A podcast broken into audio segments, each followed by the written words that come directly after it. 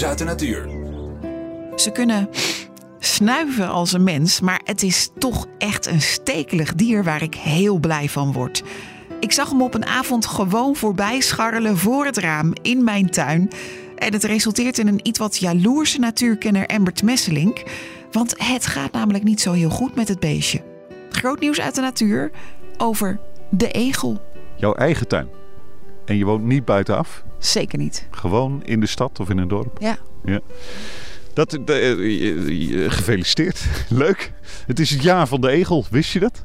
Ik had werkelijk waar geen idee, maar ik vier het bij deze. Ja, doen. 2019, jaar van de egel. Niet helemaal voor niks, want het gaat eigenlijk niet zo best met die egels.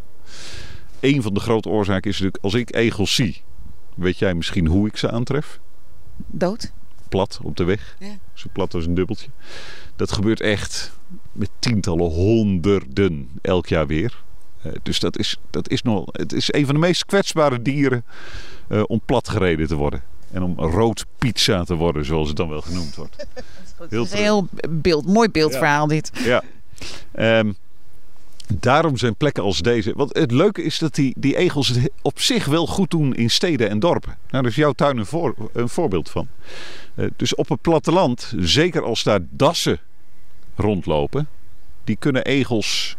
Uh, ze ook, ook als ze opgerold zijn als bal, toch uit elkaar trekken en oh. verslinden. dat is de natuur. Maar dat is natuurlijk voor die egel niet zo makkelijk. Maar in de stad heb je geen dassen. Nee. Dus daar kan die egel goed leven. Als er aan een aantal voorwaarden wordt voldaan.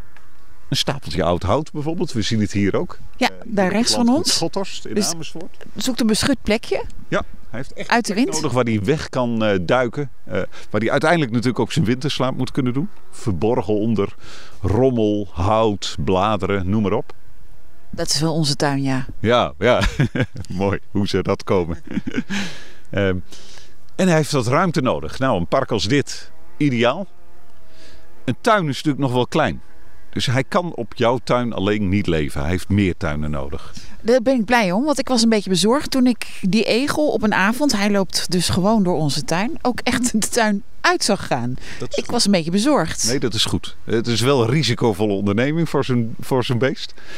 Maar wat ideaal is, is het aanleggen van egelsnelwegen.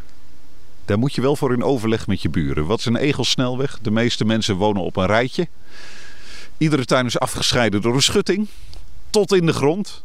Maak nou ergens in die schutting aan de grond een klein openingetje, een holletje. Naar je buren toe. En zij weer naar hun buren toe.